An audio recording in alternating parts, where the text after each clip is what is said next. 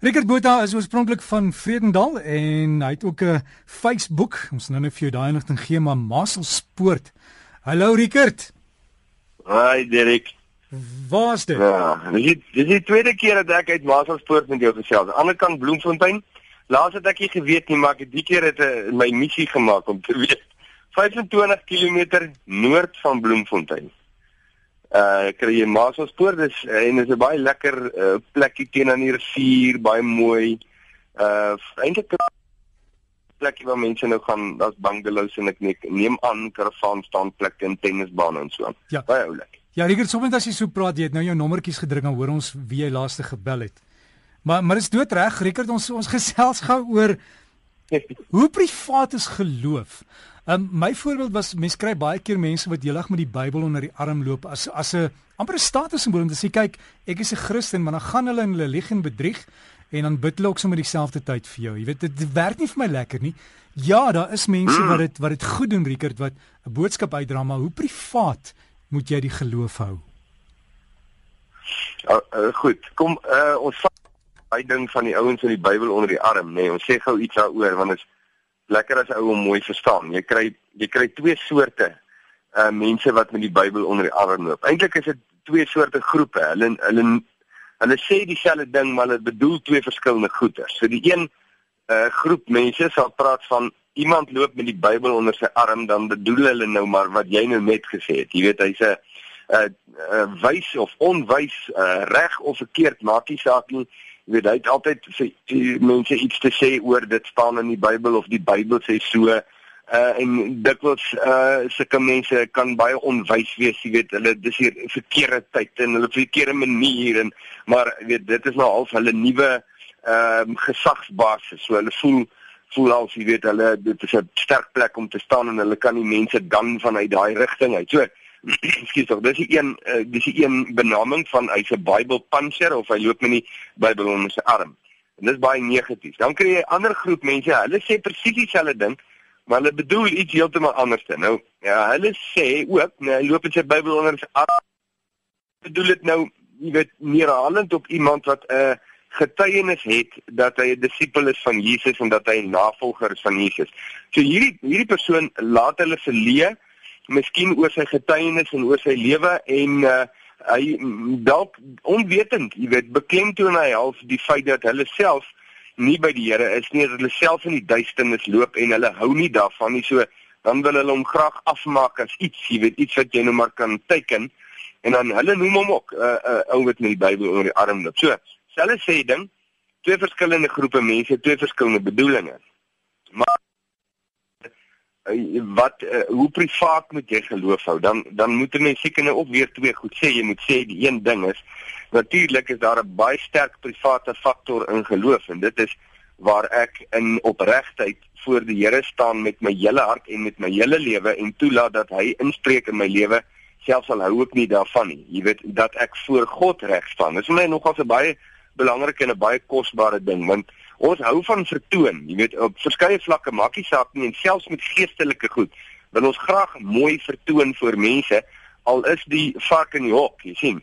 Uh en uh, die die een private faktor van geloof is waar ek voor God staan met my hele hart en seker maak dat ek in opregtheid en reinheid voor hom staan en dis 'n baie private ding dit het niks met vertoon te doen nie, niks met mense te doen nie, maar dit is die integriteit van my getuienis voor God. Maar dan is daar 'n ander deel van die privaatheid van geloof, jy weet wat ehm um, wat jy nie kan privaat hou nie. Jy kan nie al wil jy, jy, jy kan nie, want as ek opreg voor God staan, werk hy so in my lewe.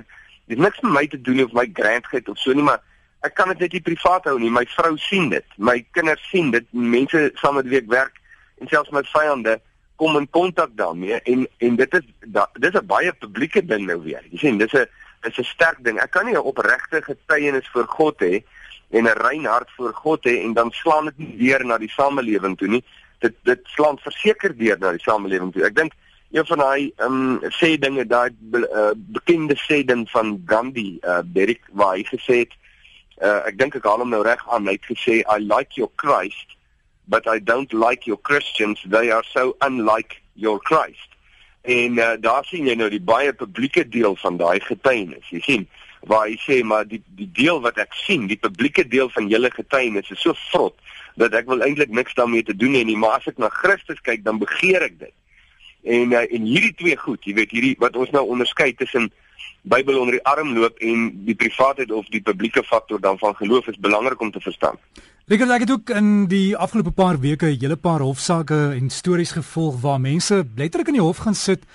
Hulle het miljoene rand se bedrog gepleeg of iemand vermoor, maar hulle sit daar en hou aan die Bybel vas en probeer dit gebruik. Ek weet nie of hulle dit gebruik as 'n rede om verskoning te kry of dat jy moet vir hulle jammer voel iemand hulle is nou 'n gelowige mens.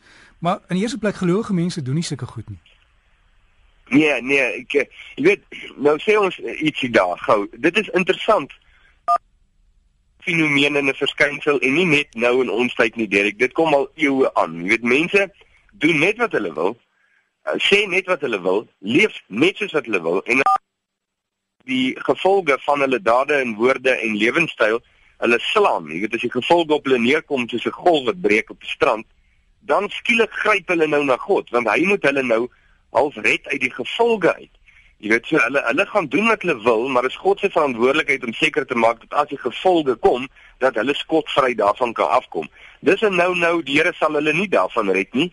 Jy weet, eh, mens moet dit verstaan. Ek staan verantwoordelik voor God vir my dade en my woorde en vir mense. So mense gryp en dan gebruik hulle God nou maar net as 'n jy weet, uh kom ons sê nou maar 'n spaarwiel of 'n jy weet ietsie, hy moet hulle nou half net deur die moeilikheid kry en as hulle weer daardeur is, gaan hulle aan weer met hulle lewe net soos wat hulle wil. Hy's nie hulle Here nie, hy's nie hulle meester nie, hy's nie hulle God nie. Dis die een ding. Jy weet en daar ons moet ons sterk uitspreek teenoor daai ding, maar nie net oor dit wat ons in die Koran te lees nie. Daai ding gebeur in ons eie lewe op. Jy sien, ou moet pas op so vinnig as wat jy kan sê gromboontjie botter met stroop op, dan dan slat hy uit, jy weet, in jou eie hart, jy doen dit self. Uh, ek dink daar's ietsie anders te miskien wat 'n mens moet noem en dit is ehm um, mense doen hierdie dinge baie keer en hulle kom in die moeilikheid en die gevolge kom op hulle en dan kan hulle wanneer die gevolge hulle tref want dit is eintlik ook half partykeer 'n bedoeling nê hiervan van hierdie gevolge ook uit God se kant uit. Dan kan hulle draai na God toe dat dit opreg kan wees. So ou moet baie versigtig wees hoe jy jou uitspraak hier gaan maak want dit kan wees dat daai persoon regtig uh, gedraai het, maar dan sê ons, dan is die houding van 'n gelowige is dan so waar hy dan sê, luister ek is heeltemal skuldig vir wat ek gedoen het want jy sien hy staan in opregtheid voor God en in reinheid, hy probeer nie nou goedjies wegsteek nie. Ek is heeltemal skuldig en ek is bereid om die gevolge te dra maar hy dan nou ook God gevind in die proses. Nou jy kyk dit, dit het ek al gesien en dan weet jy hoe hierdie ou het regtig by God uitgekom. Maar die ander ou wat God wil gebruik net om die gevolge te ontvlug, daar's 'n groot vraagteken oor sy oor sy getuienis. Jy weet of oor sy dit wat hy nou sê dat hy nou by God uitgekom het. En uh want dit is nie die styl wat God volg nie, dis nie hoe hy werk nie. En ek dink ons gaan nog heelwat daarvan in die Koran te sien.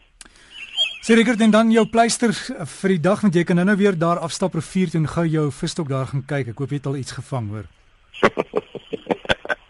ja, ek wil net sê ek is nou ek moet hier 'n mannekamp hier op Maaselspoort sê. Ek is nou deel van die mannekamp, hoor.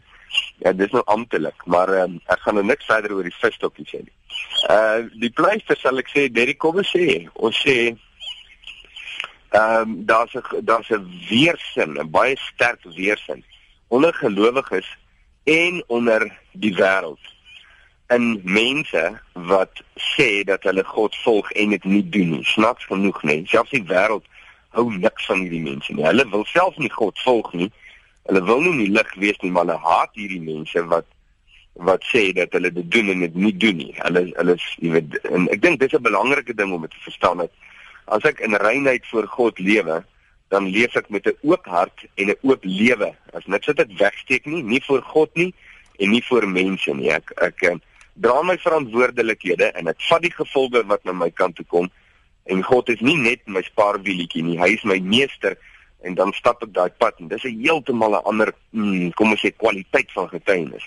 En uh, daar lê baie verlossing in dit. So ek weet ons kan miskien in daai rigting beweeg nou met met die pleister mense kan nou dit vat soos dit na hulle kant toe kom. Uh die Facebook bladsy is um in Jesus se voetspore. Jy weet hoe Facebook werk. Jy kom op die blad, jy druk die like knoppie en dan kan jy saamgesels. Rickert, dankie en geniet dit in Maaselspoort. Dankie, dankie Dirk, lekker naweek vir jou. En het, het jy 'n duiwel op jou skouer? nee. Want iemand het nee, heeltyd ek het ek het die hy, hy het so knoppie gedruk elke keer as jy op die belangrikste woord kom maak jou foon so piep. O. ek is vreeslik jammer daaroor. Nee, ek is jammer, maar nee, ek het die ek het ek hoop ek het die woord in my hart, Derek, maar ek het definitief niks op my skouer nie. Ja nee nee, jy moet net mooi kyk hoor. Beste Rickert.